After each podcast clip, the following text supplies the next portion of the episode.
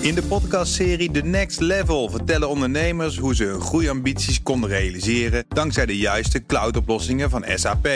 Wat waren de uitdagingen, de oplossingen en hoe ging de uiteindelijke implementatie? Benieuwd naar hun verhalen en hoe zij met behulp van SAP ook hun toekomstige ambities kunnen behalen? Luister de podcast The Next Level via de BNR-app of je favoriete podcast-app.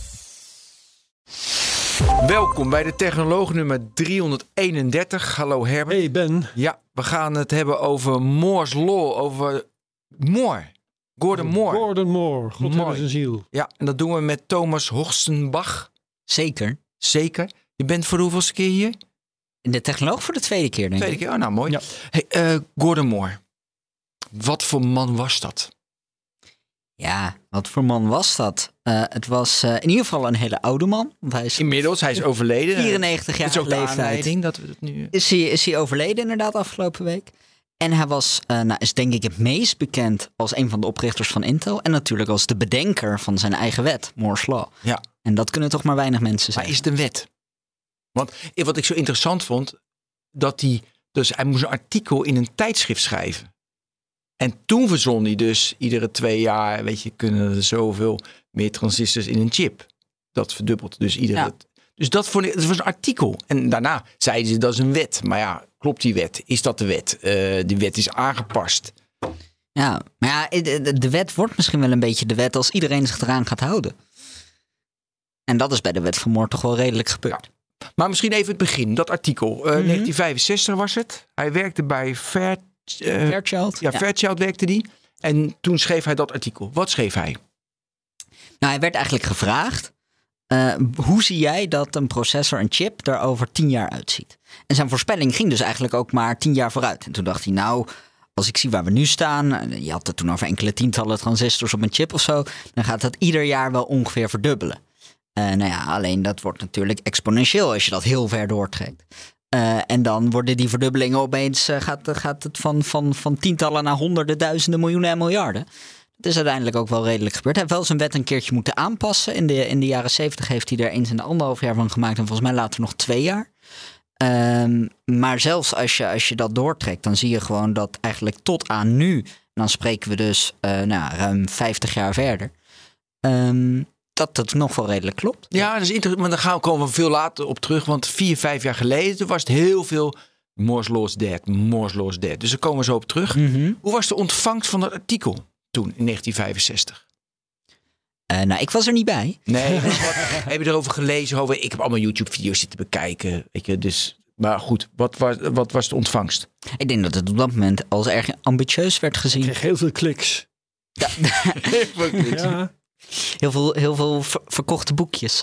Maar eh, ja, eh, ik denk dat, het, eh, dat hij dat toen ook niet heel veel verder dan tien jaar vooruit had bedacht. Ik denk niet dat hij op dat moment al voor zich had gezien dat we op dit moment ehm, chips met miljarden transistors zouden hebben. Al is het natuurlijk altijd heel lastig om zo ver in de toekomst te kijken. En hij deed het puur op basis van wat hij had gedaan daarvoor. Hè? Daardoor was zijn voorspellingen, ik, eh, ik extrapoleer dat naar Ja. tien jaar verder. Ja, was zelf hoogstpersoonlijk betrokken bij de ontdekking van eigenlijk een van de eerste bruikbare, praktisch bruikbare geïntegreerde schakelingen. Dus dat was gewoon een, een tijd dat de ontwikkelingen super snel gingen. En eh, nou ja, dat heeft hij op dat moment doorgetrokken. En hij dacht, nou, op, op dit moment zie ik de technologie wel voor me waarop we over één jaar een verdubbeling kunnen bereiken. En dan het ligt er ook nog wel een roadmap voor, voor eh, wat er dan daarna gaat gebeuren. Eh, Ja. Maar wat, wat er natuurlijk in 50 jaar aan chipontwikkeling is gebeurd. En, en, en ehm, al die techno- technologieën, al die lithografie. ehm, waardoor we op dit moment dit soort chips kunnen maken. Ja, dat had hij op dat moment natuurlijk ook niet. eh, nou, hij kon het misschien verwachten, maar hoe het eh, zover zou komen, dat wist hij op dat moment absoluut nog niet. Was het een, eh, een briljante chip maken? Of was wa- dus die bedacht van hoe die chips, de, de design ervan, hoe dat eruit moest zien? Of was het eh, meer een, een voorspeller? Of was het ook echt een technische man die dat ook in het laboratorium ook echt maakte? Hij was echt een technicus. Hij was echt een engineer. Dus dat- Hij was opgeleid in de scheikunde. Dat is wel grappig. Dus hij was vooral met de, met de, met de, met grondstoffen eh, bezig voor chips van te maken. eh, toen, toen waren ze net bezig met de overstap naar silicium. Voor de eerste chips op basis van dat materiaal. En op basis van dat materiaal worden eigenlijk nog steeds alle chips gemaakt. en daarna is ze natuurlijk meer een, een, een zakelijke man een zakenman geworden. Hij is, heeft Intel mede opgericht, is ook heel lang CEO geweest van Intel. Um, heeft uiteindelijk ook nog zo'n zo'n foundation opgericht. Een beetje vergelijkbaar met wat Bill Gates heeft gedaan bijvoorbeeld. Dus hij heeft in de laatste decennia natuurlijk geen, niet zelf meer chips nee, ontworpen. Precies. Maar het was dus wel een scheikundige, echt een technische man die dat gewoon kon maken. Hij had echt die technische achtergrond. Ja. Hoeveel, hoeveel, hoeveel later begon die uh, IBM? Intel? Uh, sorry, ja, Intel. Volgens mij uh, drie jaar later. Dus we hadden het over 65, ja, ja, voor mij in 68 werd Intel opgericht. Ja. Dus... Um, en uh, dat deed hij met een paar vrienden. Hoe zag dat eruit? Met een paar medewerkers van Fairchild. Ze zijn uh, met, met een groepje zijn ze daar uh, weggegaan omdat ze niet eens waren met de, met de aansturing van dat bedrijf. De topman daarvan was volgens mij zelf een professor die wilde een bepaalde richting op. En de markt leek eigenlijk een beetje de andere richting op te gaan. Dus toen zijn zij zelf een, een bedrijfje begonnen. Uh, en dat werd uiteindelijk Intel. En dat is nu een bedrijf met tienduizenden medewerkers. En, en die zijn toen begonnen met, uh, met voor mij een wat, man of vijf. Wat hebben ze toen beter gezien dan die van Fairchild bijvoorbeeld, waar ze wegliepen? Ja, dat, Intel is succesvoller geworden. Ja, dat ging met name om het soort schakelingen wat ze gebruikten. En de, de, het pad wat ze opgingen met de gebruikte materialen. Het pad wat ze opgingen met hoe die in één chip gecombineerd werden. En uh, de, ik weet niet meer precies aan mijn hoofd waar de, waar de oprichter van Fairchild zelf uh, precies naartoe wilde. Maar die had daar in ieder geval een hele andere visie op. En die bleek uiteindelijk niet, uh, niet te juist te zijn. In ieder geval niet voor, voor de, de, de economische werkelijkheid, zeg maar. Ja. Um, zullen we het verder hebben over Moore's Law? Of je nog ja, nee, Moore's Law, nee, graag. Want we hebben nu Gordon Moore hebben we een beetje neergezet. Miljard, een miljardair geworden. Zijn net worth was 7 miljard. Weet, zag ik nou hartstikke mooi. Wow. En, en mooi fund, dus alles geeft hij weer terug. De wereld is er beter van geworden. Toch? Van zijn Moore's Law en wat hij allemaal heeft gedaan. Ik kan natuurlijk een hele filosofische verhandeling opzetten of elektronica en eh, smartphones de zou allemaal goed zijn voor de wereld. maar laten, We laten we naar Moore's Law gaan. Ja. Ja, want um, geldt die nou nog? Ja, je, als je hem gewoon doortrekt vanaf toen eigenlijk wel. Hij is natuurlijk aangepast, hè, zoals ik al zei. Dus dan kun je zeggen van ja, hij geldt niet helemaal meer in de oorspronkelijke vorm. Ja. Maar dat komt ook een beetje, uh, het is een beetje een self-fulfilling prophecy geworden. Ja. Want wat zie je als je de roadmap bekijkt van een ASML of van een Intel of van een TSMC? Dan zie je het lijntje van Moore's Law. En daaromheen tekenen ze de technieken ze die ervoor nodig graag, zijn. Hè? Dat is hun leidraad als, geworden. Als ze niet kunnen bekendmaken dat ze weer uh, zich hebben gehouden aan Moore's Law, dan is het een nederlaag. Inderdaad, en er wordt heel veel. In de pers wordt de wet van Moore al heel lang doodverklaard. Dat laat staan, dat gebeurde twintig jaar geleden al. Ja. ja. En uh, de, af en toe dan zit ik in een briefing van Intel of zo. En dan zie ik daar een slide voorkomen met een hele trotse titel: Moore's, Moore's Law is still alive. Ja, ja, ja. Mag ik eens met jou door een paar effecten heen gaan waarvan ik eigenlijk waarvan ik zeg er wordt eigenlijk vals gespeeld? Ik ben benieuwd. Steek van wel. Nou, het begint ermee dat Moore's Law lijkt een, um, een, een wapenfeit of ja, een prestatie op het gebied van miniaturisatie. Hè? Maar wat mij al in de jaren negentig zo'n beetje opviel, dat was dat de chips steeds groter werden. Dus uh, Moore's Law zegt iets over het aantal transistors en zo op een chip. Uh, ja, als je die chips dan groter maakt, dan zeg ik, kunnen er kunst, dat kan ik ook. En dat kan ik natuurlijk helemaal niet. Maar je begrijpt wat ik bedoel. Hè? Het is dus, de miniaturisatie gaat niet zo hard als Moore's Law zegt. Ja. Want ze hebben die chips groter gemaakt. En dat heb ik zelfs ook even nagerekend.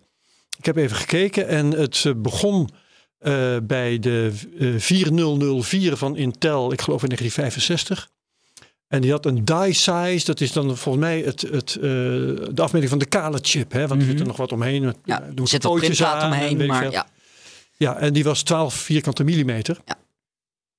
En ik geloof dat de Pentium uiteindelijk, en dat was uh, begin jaren 90, 1993. Ik zeg het even uit mijn hoofd, ik heb het ergens genoteerd. Uh, die had een afmeting van bijna 300 vierkante millimeter. Ja. Dus dan praat je over nou, bijna vijf machten van twee, mm -hmm. die al verloren gaan aan het gewoon groter maken van die chip. Die, die chip. Ja.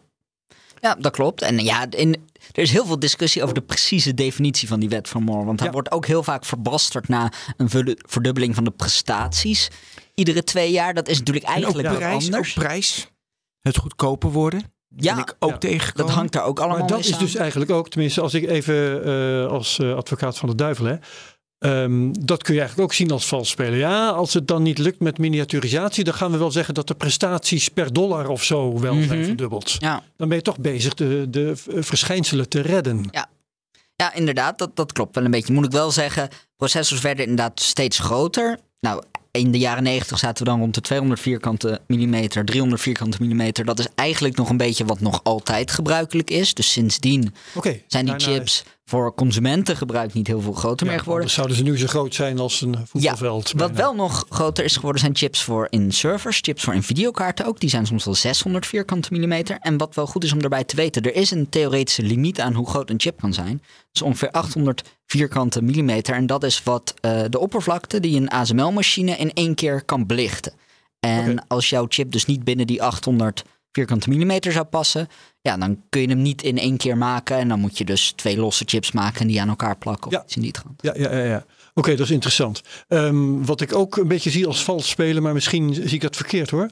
Dat is dat ze op een gegeven moment zijn gaan begonnen met eh, processors, heb ik het dan even over, met ehm, dubbele kernen. Ja. En daarna viervoudige kernen en daarna eh, acht en meer. eh, waarmee je dus eigenlijk gewoon vier processors telt als één. En zei, oké, ehm Moore's Law geldt nog. Maar intussen, zeg ik even heel eh filijn, dan heb je dus eh, pak een beet 8 of 16 eh, keer zit je in je eigen voordeel te rekenen. Ja. Of niet? Heb ik dat mis? Want het is Ehm, wel op één chip natuurlijk. Ja, laat ik even beginnen met waarom zijn we naar meerdere cores gegaan. Ja. Dat komt omdat je het idee was met één core, is die maak je steeds sneller door hem slimmer te maken en sneller door hem hoger te klokken, hogere kloksnelheid. Nou, op een gegeven moment kwam je met de Pentium 4 kwam je ergens tussen de 3 en 4 gigahertz uit. En toen had je een, een apparaat wat enorm veel stroom verbruikte, bizar heet werd, niet meer te koelen was. Eh, dat is zeg maar echt de tijd van de, limiet was dat. de stofzuiger-PC's. En toen hebben ze echt bedacht: dit, dit kan niet zo verder, dit moet anders. Ja. En toen zijn ze dus eh, gestopt met het verder opschalen van de kloksnelheid. Hebben ze in plaats daarvan die efficiëntiewinst van nieuwere productieprocessen ingezet. Voor juist efficiëntie te verbeteren. En dan kun je dus binnen eh, je budget aan stroomverbruik. Stel je hebt een processor die mag 100 watt verbruiken. Dan kun je daar één core heel hoog klokken die die 100 watt in zijn eentje moet doen. Of je kunt zeggen, we doen daar twee cores in van ieder 50 watt. Die zitten dan op een stuk optimaler punt op een efficiëntiecurve. Die efficiëntiecurve is ook echt, nou, het is een curve, dus die, die loopt eh, een beetje rond, zeg maar. Ehm, loopt tegen een plafond aan. ja, en, Je, je hebt ook, en daar heb je dus, in het midden heb je daar een optimaal punt. En als je daar beter bij in de buurt blijft, neem je prestaties per watt toe, Ja. ehm, heb je een efficiëntere processor. En is dat dan vals spelen? Ja, ik denk dat met, met één core liepen we daar tegen de limiet van Moore's Law op. Ehm, maar het is natuurlijk een switch die de hele eh, computerwereld heeft moeten maken. Software moest geschikt gemaakt worden om over zichzelf, over twee verschillende cores te kunnen verdelen. En dat is eigenlijk een proces wat nog altijd doorgaat. Want zelfs nog altijd als we het hebben over moderne 8-core, 16-core processors, is nog altijd relatief weinig software die het echt voor elkaar krijgt om al die 16 cores evenredig eh, gelijktijdig te belasten. Maar Herbert, waarom is het vals spelen? Het is toch ook van, je moet, dat vind ik ook zo leuk hè, je moet plotten op de Moore's Law. Dus ja, Mhm. je doet er alles aan om zo te innoveren dat je een plot op Moore's Law. Mijn volgende vraag straks is, ik wil eerst dit, eh, ik wil eerst dit, ja, is dit antwoord, waarom hebben we niet iets stijler gedaan of iets minder stijl? Heb je het makkelijker of moeilijker? Maar waarom is het vals spelen? Het is toch een innovatie zorgen dat je, dat je Nou ja. verdubbelt iedere twee jaar? De, de, de vraag is een beetje, wat is nou precies de prestatie? Hè? En eh, als de prestatie is om het allemaal op één plakje silicium te krijgen, dan eh, zeg ik oké, dan is dat blijkbaar gelukt. Hè? Dan heb je vier processors heb je op één eh, plakje silicium tegelijk afgebeeld. Ja. Ehm, als de prestatie is om een processor te ontwerpen, één geheel dat goed werkt, dan is het wel een kunst om die ene processorkern te maken. Maar niet zo'n grote kunst om, die, om er vier naast elkaar op één, op één chip af te beelden. Ja. Ehm, dus dan, ja, dan vind ik vier naast elkaar, eh, vier aan elkaar lijmen, zeg maar. Dat is eh, de manier waarop ik het het duidelijkste zeg. Als je vier processors maakt en je lijmt ze aan elkaar, ja, dan vind ik dat niet zo'n erg grote prestatie. Als één processor maken op één chip Ja. met, met al die transistors samen. Wat moet uiteindelijk de uitkomst volgens jou zijn, Thomas? Want de uitkomst moet toch zijn zo, dus dat je zoveel mogelijk 010101 in, eh, in, een, in een seconde zo efficiënt mogelijk, zo effectief mogelijk, weet je, eh, dus, eh, zeg maar zonder warmteontwikkeling. dat wil je toch uiteindelijk. En dat dat vooruit gaat. Ja, je wil prestaties, je wil efficiëntie en je wil uiteindelijk ook ehm, ja, economische efficiëntie, om het zo maar te zeggen. Het moet te betalen zijn. De, kosten moeten in verhouding staan tot de extra prestaties. En de wet van Moore die richt zich heel erg op SEC, de prestaties, het aantal transistors. Eh, nu kun je natuurlijk ook zetten, zeggen, je kunt met hetzelfde aantal transistors die je gewoon wat slimmer laat werken, kun je ook een snellere processor maken. Dus zo'n wet van Moore is zeker niet allesomvattend. Er zijn veel meer dingen om naar te kijken. En ook Ja. als je kijkt naar, naar eh, het voorbeeld van een multicore processor, dat is dan nog wel één fysieke chip. Dus die worden aan elkaar gelijmd in het oorspronkelijke ontwerp, maar wel ja. fysiek als één chip gemaakt. Ja. We gaan straks ook naar, naar een wereld toe waarin het heel gewoon is om chiplets te gebruiken. Hè. Dus dat zijn allemaal kleine, fysiek los geproduceerde chipjes die je daarna werkelijk aan elkaar gaat lijmen. Dat is wel een beetje eh, plat gezegd, maar, maar daar komt het op neer. Dat, dat wordt wel. ehm, dan ben je wel nog bezig met je uiteindelijke doel van een snellere chip maken, een efficiëntere chip maken. Maar niet meer bezig per se met Moore's Law.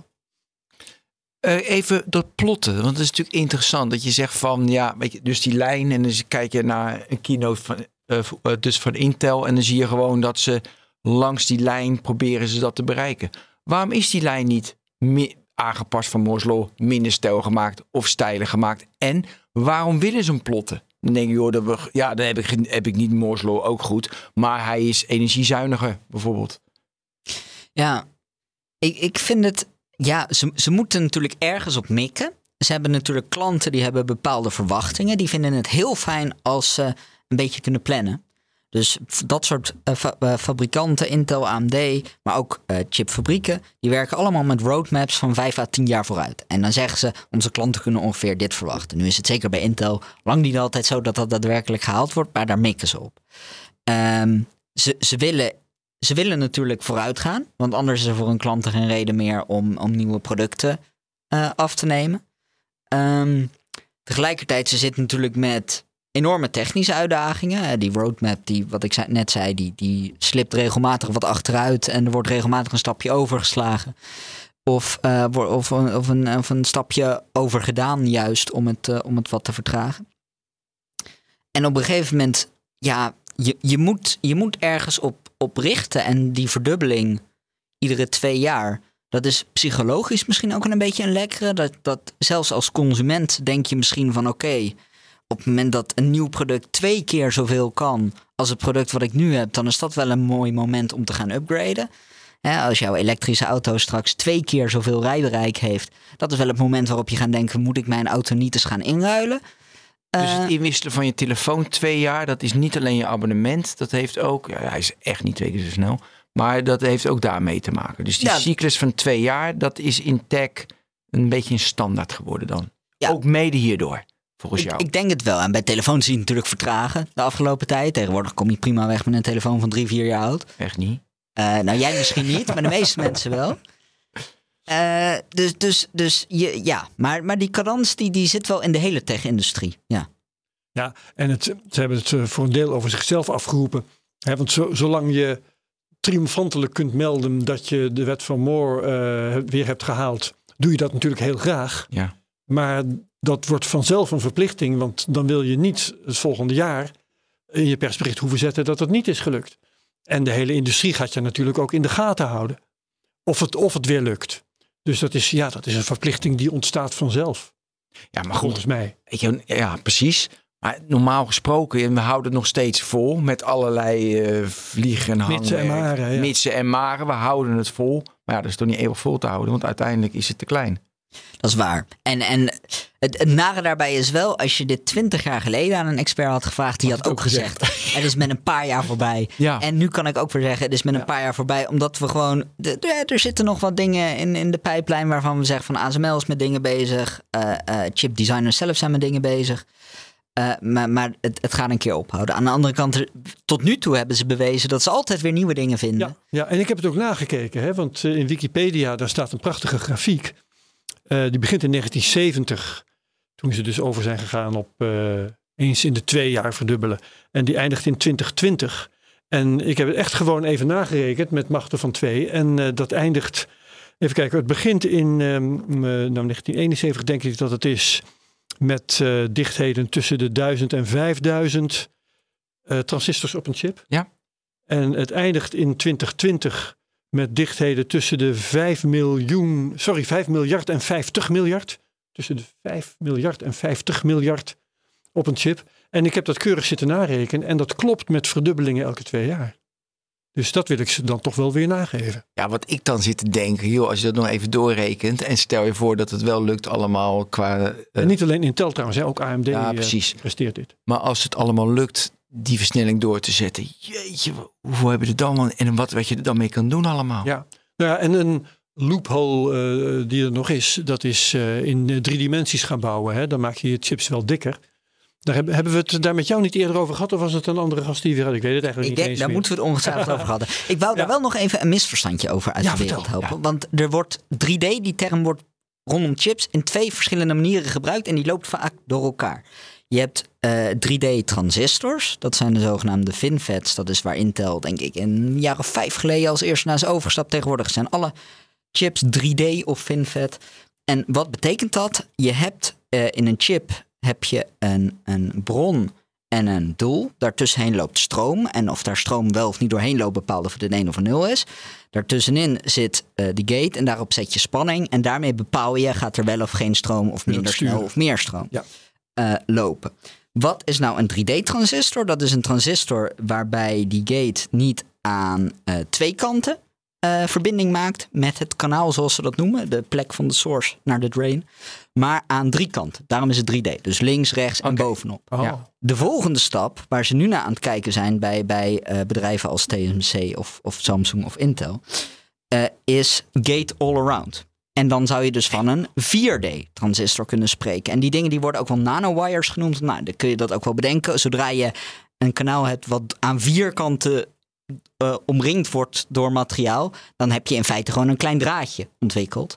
Ehm, en eh, het doel daarvan, van die 3D en later 4D-transistors, is om te zorgen dat eh, lekstroom steeds minder wordt. Want je hebt op, eh, op een gegeven moment, als je het steeds kleiner maakt, komt er steeds meer lekstroom. Dat is eigenlijk het grootste probleem van chips nog kleiner maken. En door die channel dus aan steeds eh, meer kanten te bedekken Mhm. met, met, met dat materiaal, verminder je de lekstroom, kan het nog kleiner en daardoor weer efficiënter. De andere manier waarop 3D wordt gebruikt is zoals Herbert hem net gebruikte. En dan gaat het over lagen op chips. Dat zie je op dit moment vooral bij geheugen. Eh, 3D-NAND wordt dat ook wel genoemd. Dat betekent dus dat je eh, eh, geheugen wordt al heel lang niet meer kleiner gemaakt, omdat dat gewoon niet meer eh, economisch rendabel was. Inmiddels zitten we daar te stapelen tot een laag of 200 bovenop elkaar. Oeh, En dan denk je, dan krijg je een soort kubus, hè, een hele dikke chip. ja. Nou, dat valt wel mee, want die lagen zijn, zijn per stuk natuurlijk. eh, nou, de- dat gaat over hooguit micrometers. Ehm, dus eh, zo'n chip is, is bijna niet, niet fysiek dikker dan een, dan een eenlaagschip. En zelfs binnen een, een, een package, dus wat jij misschien als een chip ziet in jouw telefoon bijvoorbeeld, zitten vaak wel 16 of 32 van die, eh, van die Die chips bovenop elkaar, die dan ieder weer uit 200 lagen bestaan. Dus, en, en nog altijd past die in je telefoon. En wat Dus, betekent eh, dat voor de warmtehuishouding? ja, daarom doen ze dat bij geheugen. Geheugen wordt niet zo warm. Want er wordt Ah, natuurlijk niet, niet echt gerekend in geheugen. Dus daar is het heel makkelijk. Bij processors is het lastiger. Want we zeiden net al, bij de Pentium liep je tegen een, een, een plafond aan... qua wat er mogelijk was qua energieverbruik. En alle energie in een processor wordt warmte. Ehm, dus, dus dat maar bij geheugen, als je van 200 naar 400 gaat of 800, wat wordt dan het probleem? En als je van, eh, wat, eh, wat je zei, 12, 24, 36, als je er 48, wat, 96, 512 van maakt, wat gebeurt er dan? Als je dat bij geheugenlagen doet... ehm, dan is eigenlijk vooral de uitdaging... hoe krijg je ze netjes op elkaar en hoe verbind je dat allemaal? Want er moet natuurlijk wel ook een verbinding zijn tussen de onderkant van de chip en iedere laag. En op een gegeven moment ben je dan zoveel eh, tussenstations aan het nemen. Als je bij iedere laag moet stoppen met je signaal. En dat moet dan opnieuw worden doorgegeven.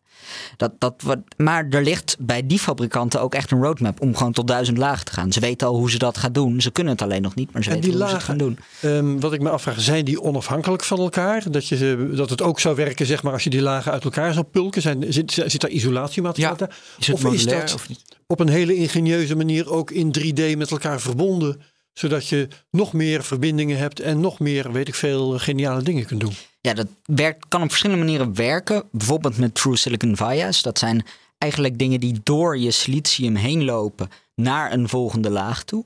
Ehm, en, en uiteraard werkt het niet als je er letterlijk een laag tussenuit zou trekken onder de microscoop, voor zover je dat over elkaar krijgt. Uh, maar uh, de stap naar 3D dan dus vrij snel gezet. Juist omdat het technisch eigenlijk niet zo heel uitdagend was. Omdat uh, zolang je maar gewoon een, eh, met, je, met je stroomtoevoer en met je signaal bij die laag kunt aankomen, werkt die laag precies hetzelfde als een enkele laag.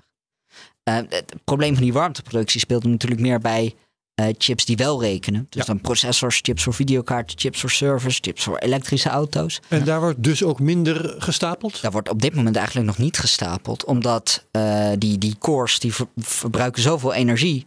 Uh, dat wordt allemaal omgezet in warmte. Je moet daar eigenlijk direct met een heatsink op zetten om die warmte daar zo snel mogelijk weg te kunnen krijgen. En met lucht of waterkoeling of op een andere manier. Ja.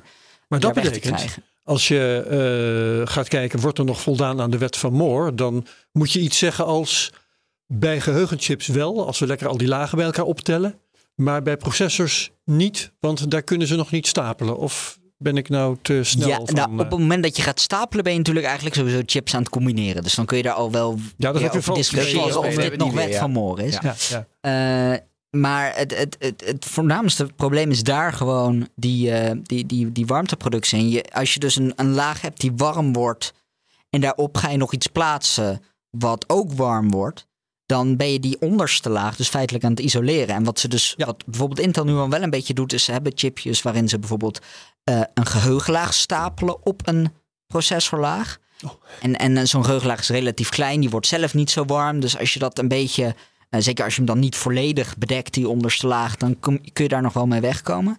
Maar dit is wel echt een probleem. Want op het moment dat jij meerdere uh, processors of meerdere videokaartchips op elkaar zou willen stapelen, ja, dan krijg je gewoon een, een niet te koele chip op dit moment. Wat is dan de oplossing? Om het blijven te bereiken, die wet van Moore? Gewoon buiten gaan. Oh, sorry. ja, gewoon buiten zetten. Nou, nee, buiten gaan spelen. Zeg. Oh, oh, buiten spelen. Geen processor. Nee, geen processor. Nee, maar ik moet even, als ik dus, als mijn telefoon niet wel eens in de auto uh, oververhit. En dan hou ik hem dus buiten de raam om hem af te koelen. Want dan zie je zo dan zie je een rood thermometer in je iPhone. En dan hou ik hem dus buiten en dan is hij weer goed. En ook gewoon de airco aanzetten.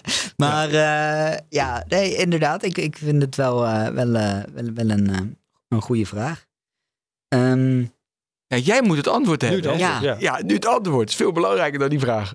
Ja, hoe gaan we dan, hoe gaan we dan nog verder? Nou ja, weet je, die, uh, ik zocht dat natuurlijk op. Weet je, die, uh, daar hebben we het ook al vaak over gehad. Het neuromorfische computers, quantum, optische computers. Maar dat is natuurlijk allemaal ver, verder weg. Weet je, dat is allemaal nog experimenteel, R&D. Dat hebben we nog niet. Dus nu is het meer van die roadmap op de kort, de eerste drie jaar. Ja, het is een beetje als die fusiereactor van laatst. Die is altijd 50 jaar weg, zeg ja, maar. precies, ja. Ja, uh, nee, ik, ik denk, je hebt twee stromen. Je hebt heel concreet kijken naar wat kan er nu beter. En dan is er bijvoorbeeld onderzoek naar andere materialen. We gebruiken al heel lang silicium, zoals eerder al voorbij kwam. Nou, er ja. wordt gekeken naar bijvoorbeeld een legering van silicium en germanium. Uh, waarmee je efficiëntere chips, nog kleinere chips zou kunnen maken. ASML is natuurlijk aan het kijken. We hebben nu dat EUV en uh, ze zijn nu aan het onderzoeken naar EUV met een, uh, een hogere apparatuur. En dat betekent in feite gewoon, ja, vergelijk het een beetje met een groter diafragma bij een camera. Dus dan laat je gewoon meer licht toe. Kun je kleinere structuren met grotere precisie etsen in, in silicium. Dat zijn de hele concrete stappen. Dan heb je het over misschien het komende dec decennium, als dat überhaupt allemaal haalbaar blijkt. Um, en dan ga je naar de hele lange termijn. En dan heb je natuurlijk quantum computing, wat al heel lang heel veelbelovend is. We moeten allemaal nog maar kijken in hoeverre dat echte chips zoals we die nu kennen kan gaan vervangen.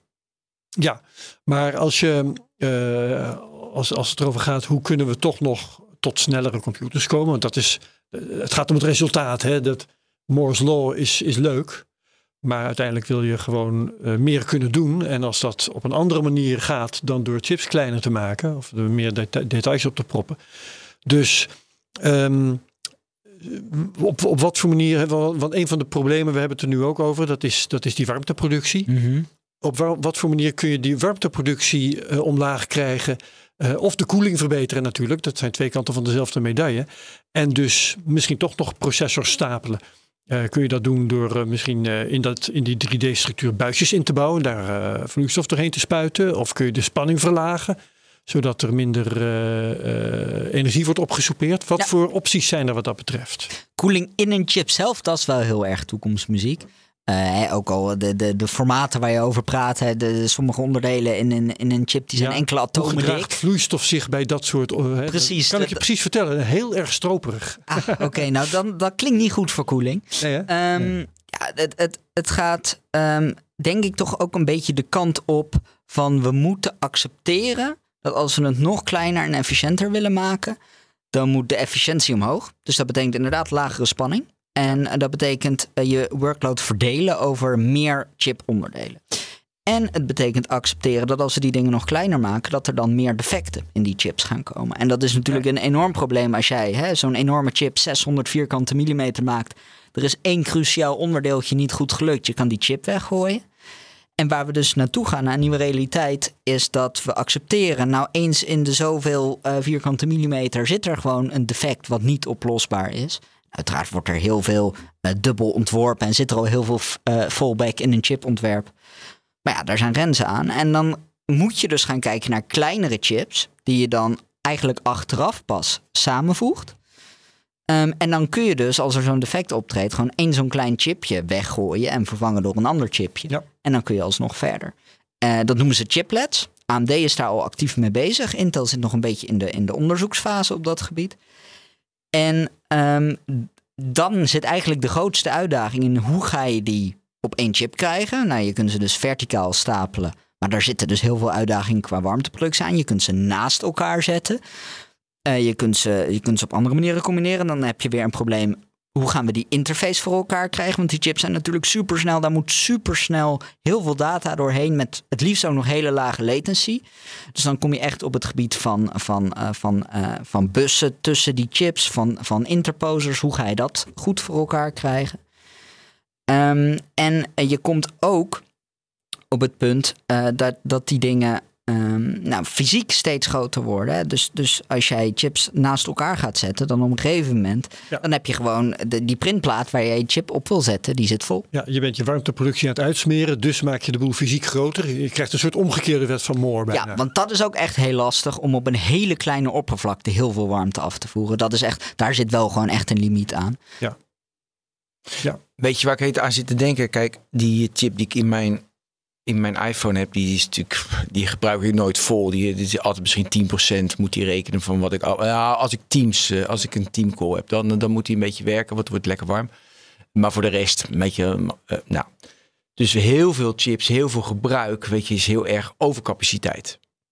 En gelukkig hebben we nu de hele generatieve AI. En dan zeggen we van rekenkracht, rekenkracht, rekenkracht. Dus nu heb je een toepassing van ja, we hebben heel veel rekenkracht nodig. Ze moeten, sneller worden en kleine. En er staat toch in een serverpark. Dus eh, de warmte kan goed worden afgevoerd natuurlijk. Hoe kijk je naar de, de, inderdaad, de overcapaciteit van 9 van de 10 chips, naar mijn idee, die er geproduceerd wordt in de wereld?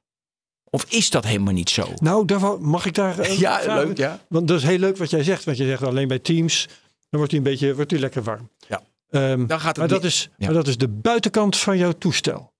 Dus dan wil ik eigenlijk wel eens weten van Thomas, als, als Ben merkt aan de buitenkant van zijn toestel eh, dat hij een beetje warm wordt. eh, ja, hoe warm wordt zo'n processor dan bijvoorbeeld eigenlijk? Want misschien wordt hij wel gewoon 100 graden daarbinnen. Ja, dat is eigenlijk gewoon de standaard. Dat op het moment dat jij je een processor vol belast, Ja. dan eh, zal die gewoon zo snel mogelijk gaan, zo hoog mogelijk klokken. eh, om zo snel mogelijk jouw taak te volbrengen. Tot die pak een beet 100 graden wordt. Dat is een beetje het maximum waarop vrijwel alle chips goed kunnen werken. En op dat moment, als hij, als hij dat wordt en eh, jouw telefoon heeft geen ventilatortje, dus hij heeft niet echt manieren om meer warmte kwijt te raken, dan moet hij de kloksnelheid gaan verlagen, de spanning gaan verlagen, tot het moment dat hij wel eh, ja, hè, dat hij in balans komt tussen wat hij op een, op een passieve manier kwijt kan raken aan de omgevingslucht. En de Gewoon kokend prestaties die heet hebben in jouw binnenzak. Ja, En het is natuurlijk wel even zaak dat de buitenkant van jouw telefoon niet zo heet wordt. Dus er wordt tegenwoordig, er zitten allemaal sensoren in. En er wordt ook niet alleen gekeken naar hoe warm mag een processor worden. Want die mag best 100 graden worden. Nou, de buitenkant van je telefoon mag dat niet. Nee, Eh, dus in, de, eh, in brand. Weet je, we hebben natuurlijk in het begin van de nee, niet iPhone, maar waren telefoons die. Maar het waren meestal accu's, hè, denk ik. Ja, accu's, ja, tuurlijk. Ja. Ja. Maar misschien, eh, misschien die processor dat die zo snel ging accu beïnvloeden. Nou, dat ging mis een paar keer in. hitte in- is in ieder geval niet goed voor accu's. Daar, daar Nee, kunnen we het precies. snel eh, over eens worden. Maar het is wel interessant dat er dus, wat ik net vertelde, zit een, eh, zit een waarschuwing op dat hij gewoon uitgaat, mijn telefoon. Dus dat is, dat is prettig, want dan weet hij van nu moet ik koelen. Hij gaat gewoon uit. Ja, en, en natuurlijk op het moment Handig. Dat Ja. hij dat die, dat die aan de buitenkant zo warm wordt dat je er letterlijk een brandwond van zou krijgen. Ja, dat, dat, dat, dan moet hij gewoon uit. Ja. Ja, maar dat die eh 9 van de 10 chips, want dat was mijn stelling, eh, Die overcapaciteit. daar nee, die overcapaciteit, daar hadden we het over. Ja, eh, ik, ik denk ehm, voor consumenten geldt dat heel erg. Hè, die telefoon die zit, eh, die zit Je eh, computer 90% van de tijd in je zak. Nou, je- computer zit dan niet in je zak, maar die Nee, maar wordt precies, 90% dus van de tijd niet gebruikt. Ehm, het- het- dat is wel echt een consumentenprobleem. Ik denk, eh, zodra je er zakelijk naar gaat kijken, naar servers en zo, die zitten natuurlijk heel erg op, op de zogenaamde total cost of ownership. Die gaan heel erg kijken naar hoe kunnen wij die processorkracht die we hebben zo efficiënt mogelijk inzetten. Ja. Eh, nou ja, en het liefst heb je dan, als je, als je echt over AI-dingen eh, of wetenschappelijk onderzoek, dan heb je gewoon een wachtrij. En je zorgt dat die goed gevuld is, zodat altijd als er iets klaar is, dat er direct door wordt gegaan naar de volgende taak. En, en eh, echt zo'n rekenserverpark, dat zal eigenlijk bij vrijwel continu op 100% draaien dag en nacht. Want anders is het echt heel erg zonde van alle rekenkracht en hardware die je Ja. daar hebt staan. Ja. En thuis, ja, wat in ieder geval heel erg belangrijk is, is dat een proces natuurlijk wel zo zuinig mogelijk is. En idle, zoals ze dat noemen, dus als hij niks aan het doen is. Eh, dan is in ieder geval niet je accu leeg als je, als, je, als je hem niet gebruikt. En ja, verder, mensen willen natuurlijk wel de zekerheid dat ze die processorkracht onder handbereik hebben als ze hem nodig hebben. En we zien natuurlijk wel ook een beetje een verschuiving naar eh, rekenkracht in de cloud. Dus als jij een foto edit eh, op, op, je, op je telefoon en je doet een flinke bewerking en je wil iets wegphotoshoppen, eh, dan wordt er lang niet altijd meer op je telefoon berekend wat daar zou moeten staan. Maar wordt dat veel sneller en veel efficiënter in de cloud gedaan. Ja, aan de andere kant zie je daar ook wel een beetje een tegentrend. Hè? Want als je geen internet hebt, heb je niks. Ja. Ehm, dus veel mensen willen toch ook wel een beetje die rekenkracht gewoon, eh, gewoon direct beschikbaar hebben. En dan moet je dus inderdaad een, een chip in zo'n apparaat stoppen die, eh, die 95% van de tijd niet op zijn max werkt.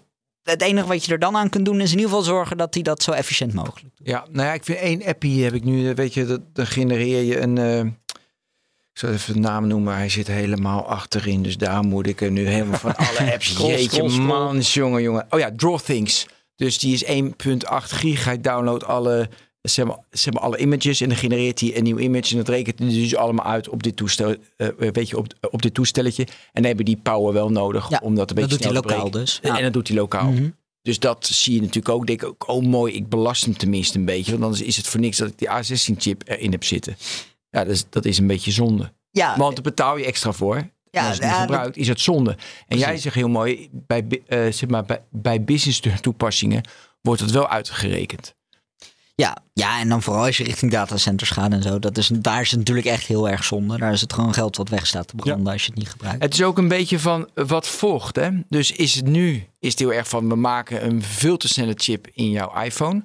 Eh, oh ja, voor de toekomst, want dan heb je in real-time VR of je hebt ge- genereren van images. Weet je, dus je hebt het nodig. Of die eh, toepassingen gaan nooit komen, dus dan heb je het voor niks. Dus het is een beetje volgt de toepassingen op een hele snelle chip. Of hey, ik heb een toepassing, ik heb een snellere chip nodig. Het is natuurlijk kruisbestuiving. Het- Je, je kunt niet iets ontwikkelen waarvan je weet, dit gaat nergens op kunnen draaien. Want dan heb je er niks aan. Dan kun je het niet eens testen of het dit doet. Eh, en aan de andere kant zie je ook dat chipontwerpers wel op zoek zijn altijd naar de next big thing. Ehm, je ziet dat AI, eh, daar- al tien jaar gaan alle presentaties van nieuwe processors over AI. En dan zie je dat een processor zelf stiekem helemaal niet zo goed in, is in die taak. En in jouw A16 zit ook een apart een neuraal chipje. eh, wat op een wat andere manier werkt. Wat heel erg is geoptimaliseerd voor specifiek die AI-bewegingen, berekeningen. En die kan dat eh 100.000, eh 100 tot 1000 keer zo snel. als dat je die berekening aan een normale processorcore zou geven. Vind ik wel leuk om nu ehm, de, even kijken wat was het weer, de Great Moore's Law Compensator ter sprake te brengen. Dus eh, de grote eh, De tegenpol. vernietiger van, van Moore's Law. Uh, ook bekend, uh, ik, vond, ik kwam hem tegen tijdens de research als de Worth's Law. Dus Mhm. de wetten van Worth, W-I-R-T-H. En die software wordt zo gemaakt dat alle vorderingen in snelheid direct worden opgesoupeerd zonder dat je er veel aan hebt.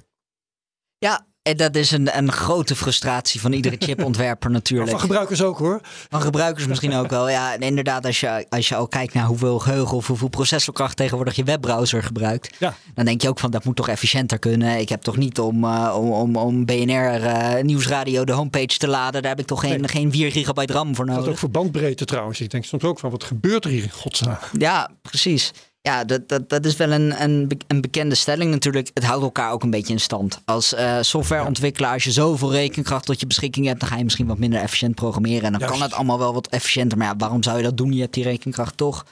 En aan de andere kant, eh, een softwareontwikkelaar die ziet ook mogelijkheden in die rekenkracht. En die, ziet, eh, die zou dan misschien een feature bouwen die veel rekenkracht gebruikt. En Die je anders niet gebouwd zou Ja, waarvan je, anders, waar- waarvan je als gebruiker je niet direct realiseert dat je hem niet zou hebben gehad als Ja. niet ook. Ik vind hier een heel mooi voorbeeld van, van deze wet, vind ik eh, dat multicore waar we het eerder over hadden. Hè, Ja. van, van 1 naar 2 of 4 cores.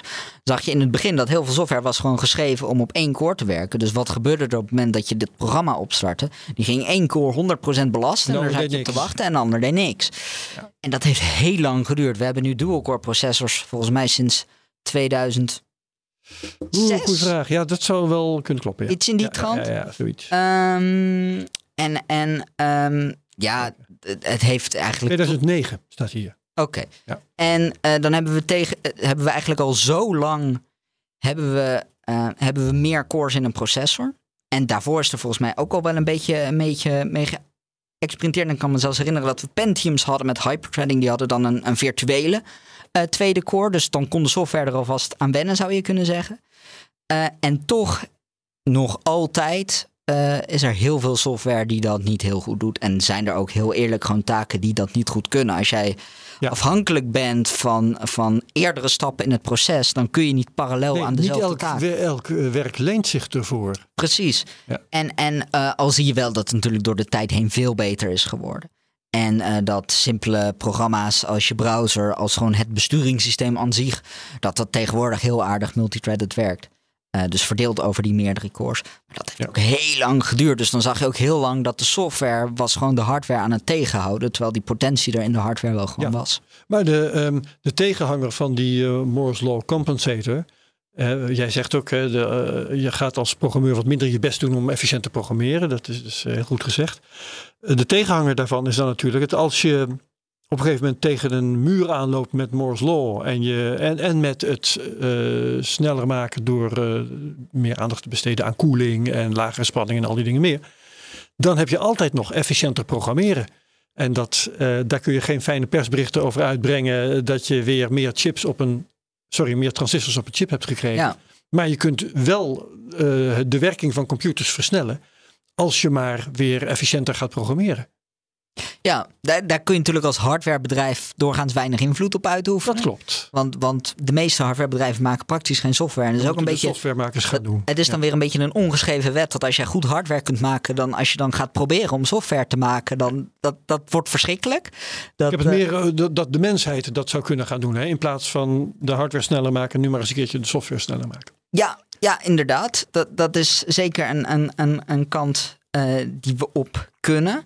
Ehm, Alleen het is jouw terrein niet. en je- nou ja, en je ziet daar ook wel dat, dat softwaremakers daar ehm, niet, heel veel, ehm, niet heel veel aandacht aan geven. Een heel bekende, eh, eh, bekende eh, iets wat dat tegenhoudt, is, is legacy. En we zitten natuurlijk op de, op de PC met een x86 architectuur die al 30 jaar meegaat. Waar heel, die, die eigenlijk heel inefficiënt in de basis is. Je ziet ook dat Apple op basis van de ARM-architectuur... Nou, in mum van tijd Nieuw, hebben ja. ze een veel efficiëntere processor gemaakt. Ehm, omdat, omdat ARM gewoon veel minder legacy heeft. Veel minder dingen moet kunnen die we eigenlijk niet meer gebruiken. En niet meer die backports compatibility. Die hebben ze bij Apple gewoon eh, nou, op meerdere momenten in de geschiedenis gewoon echt gereset. En dan kun je stappen maken op het gebied van. eh Ik van wil ik even op doorgaan, vind ik onwijs interessant. Dus wat is de legacy, precies- eh, eh, ja, wat is legacy precies? En wat maken ze dan van scratch opnieuw? Nou, die legacy is dat jij eh, op een moderne computer nog altijd eh, Windows 95 zou kunnen installeren. En met een paar haken en ogen. En je moet dan ongetwijfeld een paar dingetjes uh, hacken om het werkend te krijgen. Maar die intrinsieke werking van de achterliggende architectuur is nooit veranderd. En hoe dat toen bedacht is, um, daar is natuurlijk heel veel mee gemaakt wat die instructies gebruikt. Alleen dat is niet noodzakelijkerwijs de efficiëntste manier om dat voor elkaar te krijgen. Dat is gewoon de manier die er voorhanden was. En uh, wat je bijvoorbeeld hebt gezien bij uh, macOS van Apple. Uh, is dat zij op een gegeven moment een knip hebben gezet tussen macOS-versies die werkten met ARM-processors en met Intel-processors ja. daarvoor. En software die voor Intel geschreven is, die kun je nu gewoon niet meer gebruiken. Ja, die kun je door emulatie nog wel gebruiken, maar native werkt die gewoon niet meer. Ze hebben gewoon gezegd, we gaan vanaf dit moment overstappen naar een andere architectuur. En uh, die, je zorgt maar dat die software meekomt. En als Apple kun je dat doen, want als Apple maak je het besturingssysteem ja. en de hardware. En uh, ja, die paar softwareontwikkelaars die echt hun geld verdienen op macOS, die moeten dan wel. Um, ja, en dat is natuurlijk op, op Windows, dat, dat is zo'n samenspel tussen Microsoft, tussen alle PC-fabrikanten, tussen fabrikanten van processors.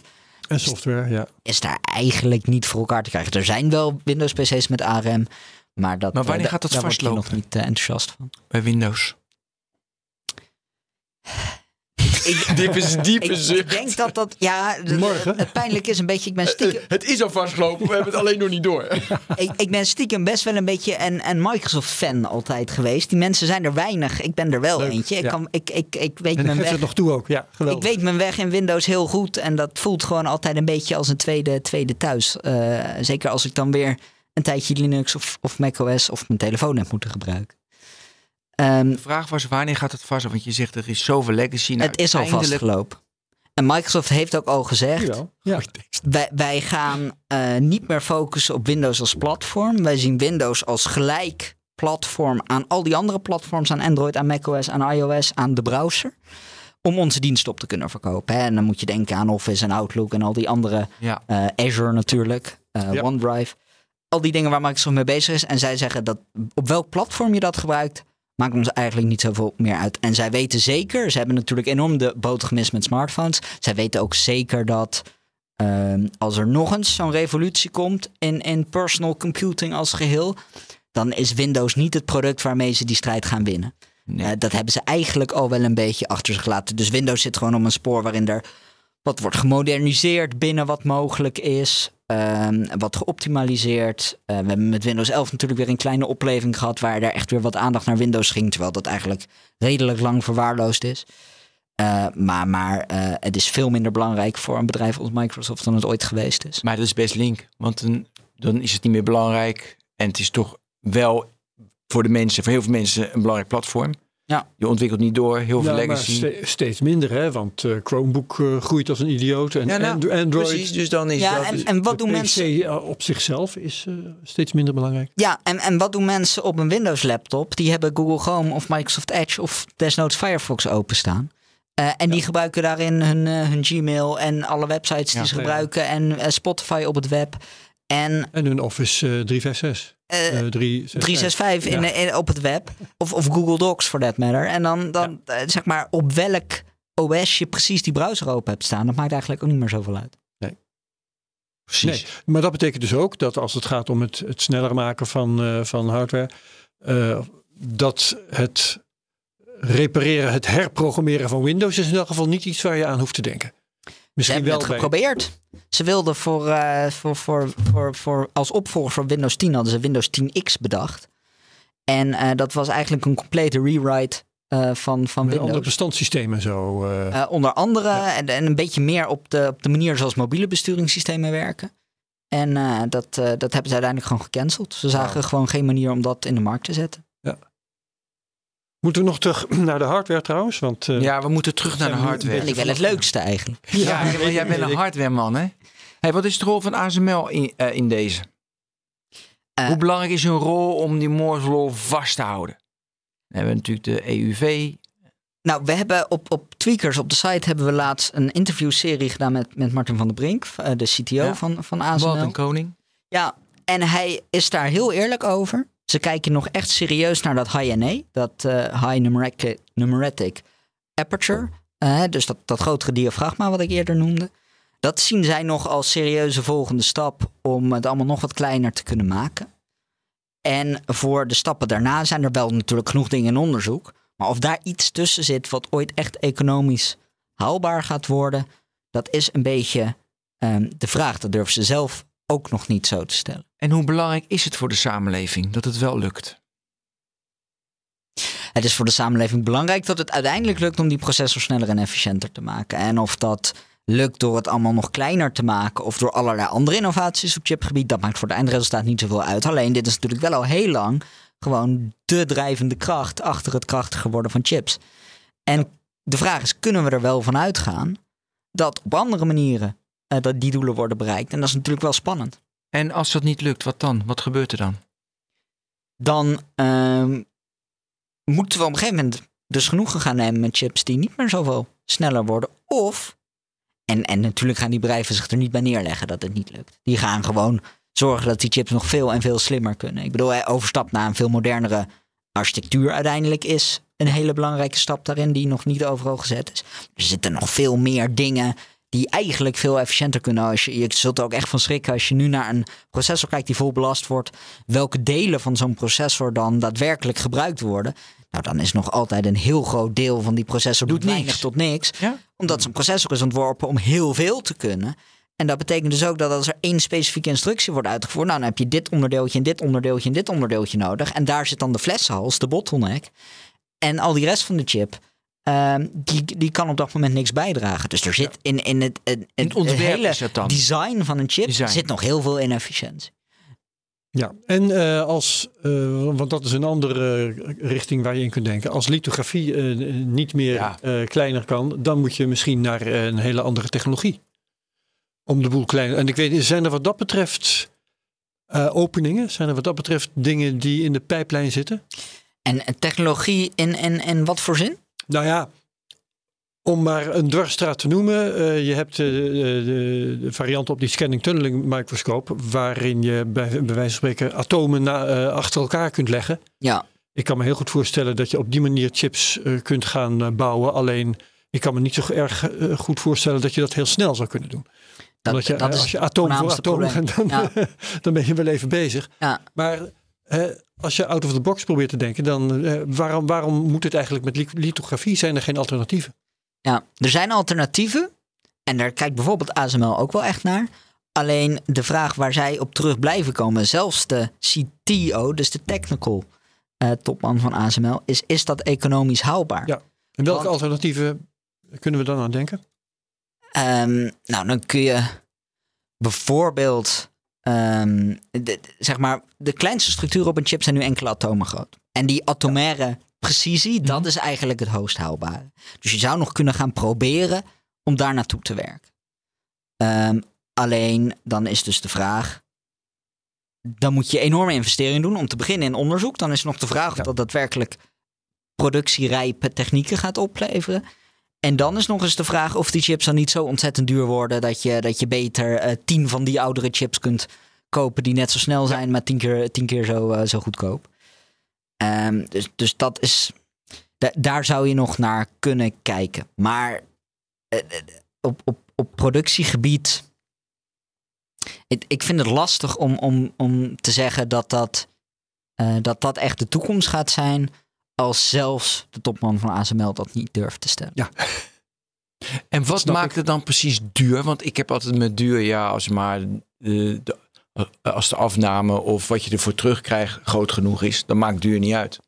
Dan maken de kosten niet uit. Want... Duur is nog wel grappig, want we hebben het natuurlijk de hele tijd over Moore's Law. En er is ook een, een, een law die wordt de, de tweede wet van Moore genoemd. Dat is waar, goeie. Kom op. En die gaat eigenlijk er dwars tegenin. Die zegt, uh, ja, we krijgen een verdubbeling van het aantal transistors iedere twee jaar. Maar die fabrieken die worden ook duurder. En dan is er volgens mij gedefinieerd een verdubbeling iedere vier jaar, als ik me niet vergis.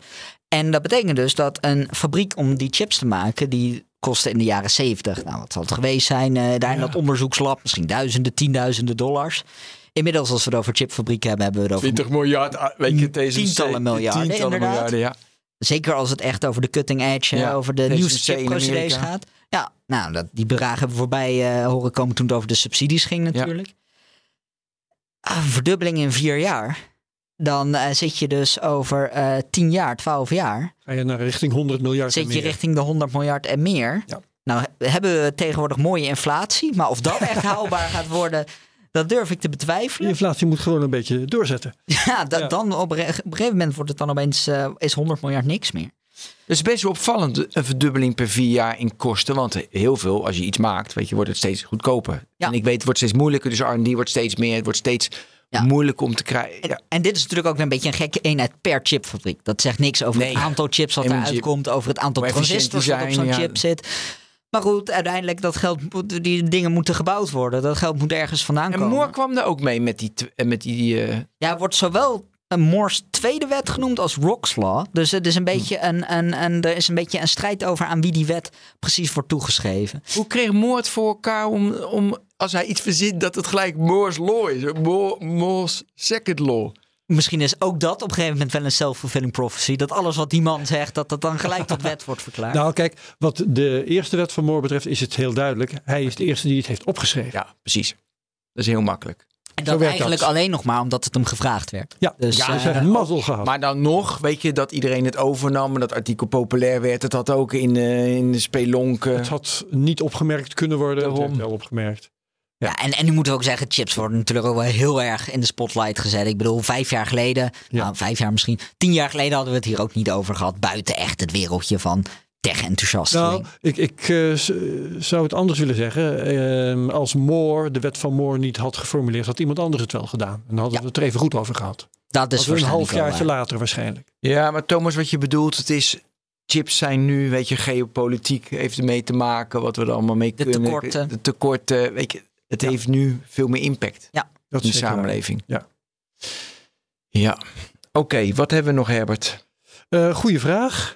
Ik had nog één ding Oh ja. opgeschreven. Ja, wat is voor jou En nog? dat, dat, de, dat was ehm, die higher level programmeertalen. Precies. Daar wilde jij het over hebben volgens Ja, mij. precies. Ja, ja. Eh, waarom ook weer? ehm, eh, oh ja, omdat eh, in het kader van, van slimmer programmeren. Mhm. Ehm, de trend is op dit moment volgens mij juist de andere kant op. Hè? Want steeds hoger niveau programmeertalen betekent dat je het de programmeurs steeds makkelijker maakt. Ja.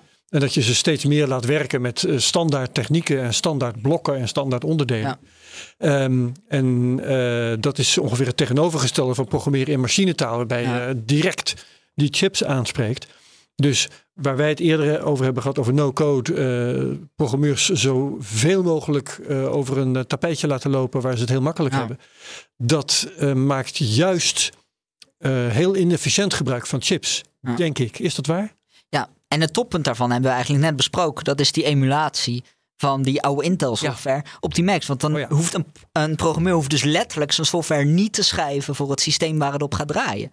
Die kan die software gewoon schrijven op een, Ja. op een, voor een compleet ander En dat systeem. laat je opvangen door weer andere software die het allemaal omrekent. en dat is En natuurlijk al- super inefficiënt. Dat belast allemaal de, de processor. En eh, verbruikt enorm veel energie die je allemaal eh, nergens voor nodig hebt. geheugenruimte en noem maar op. Ja. het, het is een, een tegenstelling. Want hoe higher level een programmeertaal, hoe verder je van de instructies zit, van de micro-instructies die daadwerkelijk worden uitgestuurd op een chip. Kijk, die Ja. zijn op het allerlaagste Exact. niveau, zijn dat gewoon plussommen, minsommen, keersommen. Eh, niet veel meer dan dat. Daar zitten dan lagen bovenop, x86 bijvoorbeeld of ARM. Die maken dan een instructie mogelijk. Het worden ook instructiesets genoemd. Ja. Om eh, ingewikkeldere dingen te kunnen maken. En die vertaalt het dan weer naar dingen die zo'n processorcore direct kan doen. Hè? Gewoon een, een, een optelsom.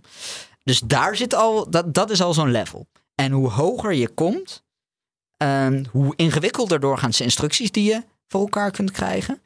Ehm, maar hoe inefficiënter het wordt. Want er moeten dus allerlei vertaalslagen worden gemaakt. Ehm, en je zou kunnen zeggen, hoe higher level de programmeertaal, hoe makkelijker het leven van de ontwikkelaar. Want die hoeft veel minder na te denken over wat er op chipniveau gebeurt. Maar hoe in- inefficiënter. inefficiënter het wordt. Wat moet je heten, dat omrekenen om... om, om, om. Ja. En een beetje een technisch voorbeeld, maar ik vind hem wel heel mooi.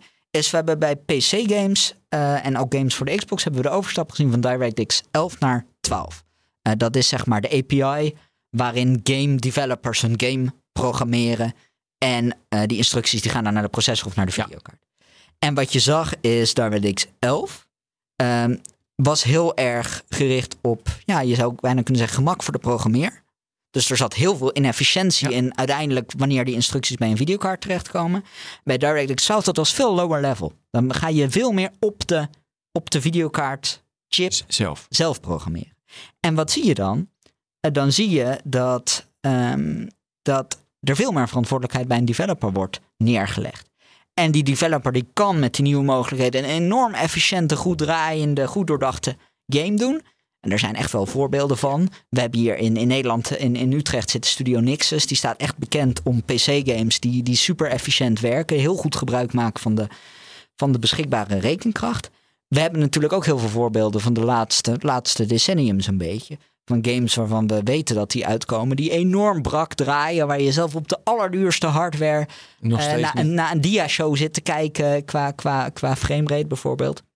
Dus je legt heel veel verantwoordelijkheid in die handen. En dat geldt natuurlijk voor alles, voor elk soort software. Developers kunnen er enorm mooie dingen mee doen. eh, maar ze kunnen dat ook heel erg fout doen. En die vrijheid geef je dan ook wel als je ze low-level laat Daar programmeren. zit toch een winst om dat goed aan te sluiten? Daar zit een enorme winst. En dat is ook, dat is ook precies de reden waarom het, het fluitende gemak waarmee Apple lijkt Ja. die efficiëntiestrijd te winnen. Ja. Dat is echt niet omdat ze daar magie hebben in Cupertino. Dat is omdat ze de luxe hadden om vanaf nul te kunnen beginnen. Of nou, niet helemaal vanaf nul, maar in ieder geval al die legacy weg te gooien. Ja. En dan gewoon te kunnen kijken naar wat willen we nou echt bereiken. En wat is nou de efficiëntste manier om dat te komen. En zelfs in dat Apple-ontwerp eh, zit nog heel veel Tuurlijk, mogelijkheden om dat nog veel en veel efficiënter te maken. Eh, eh, Laatste vraag, Herbert. ja, laatste vraag. Ehm, we merken bij, bij ongeveer elk probleem dat er bestaat dat eh, de kunstmatige intelligentie erbij wordt eh, ingezet. Ja. Doen ze dat op het gebied van het sneller krijgen van eh, processors eigenlijk ook al?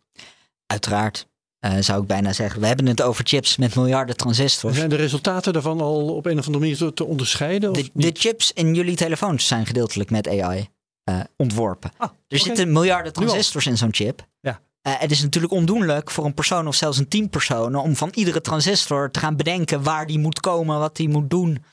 Eh, dus er wordt gewoon op, op, op eh, hè, er wordt zo'n processor bestaat uit blokken die allemaal verschillende functies hebben. Op een gegeven moment op het blokniveau, dan kom je gewoon bij, wij willen hier een oppervlakte met, met processorcores die die en die en die instructies moeten doen.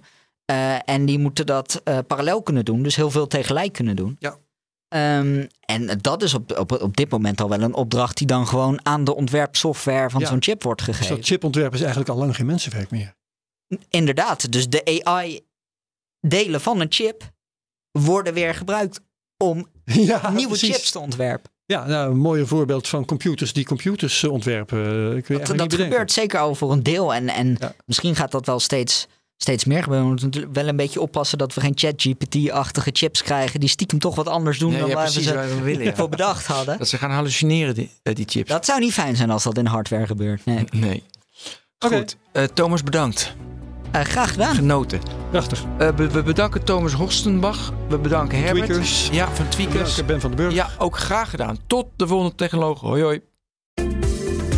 In de podcastserie The Next Level vertellen ondernemers hoe ze hun groeiambities konden realiseren dankzij de juiste cloudoplossingen van SAP. Wat waren de uitdagingen, de oplossingen en hoe ging de uiteindelijke implementatie? Benieuwd naar hun verhalen en hoe zij met behulp van SAP ook hun toekomstige ambities kunnen behalen? Luister de podcast The Next Level via de BNR-app of je favoriete podcast-app.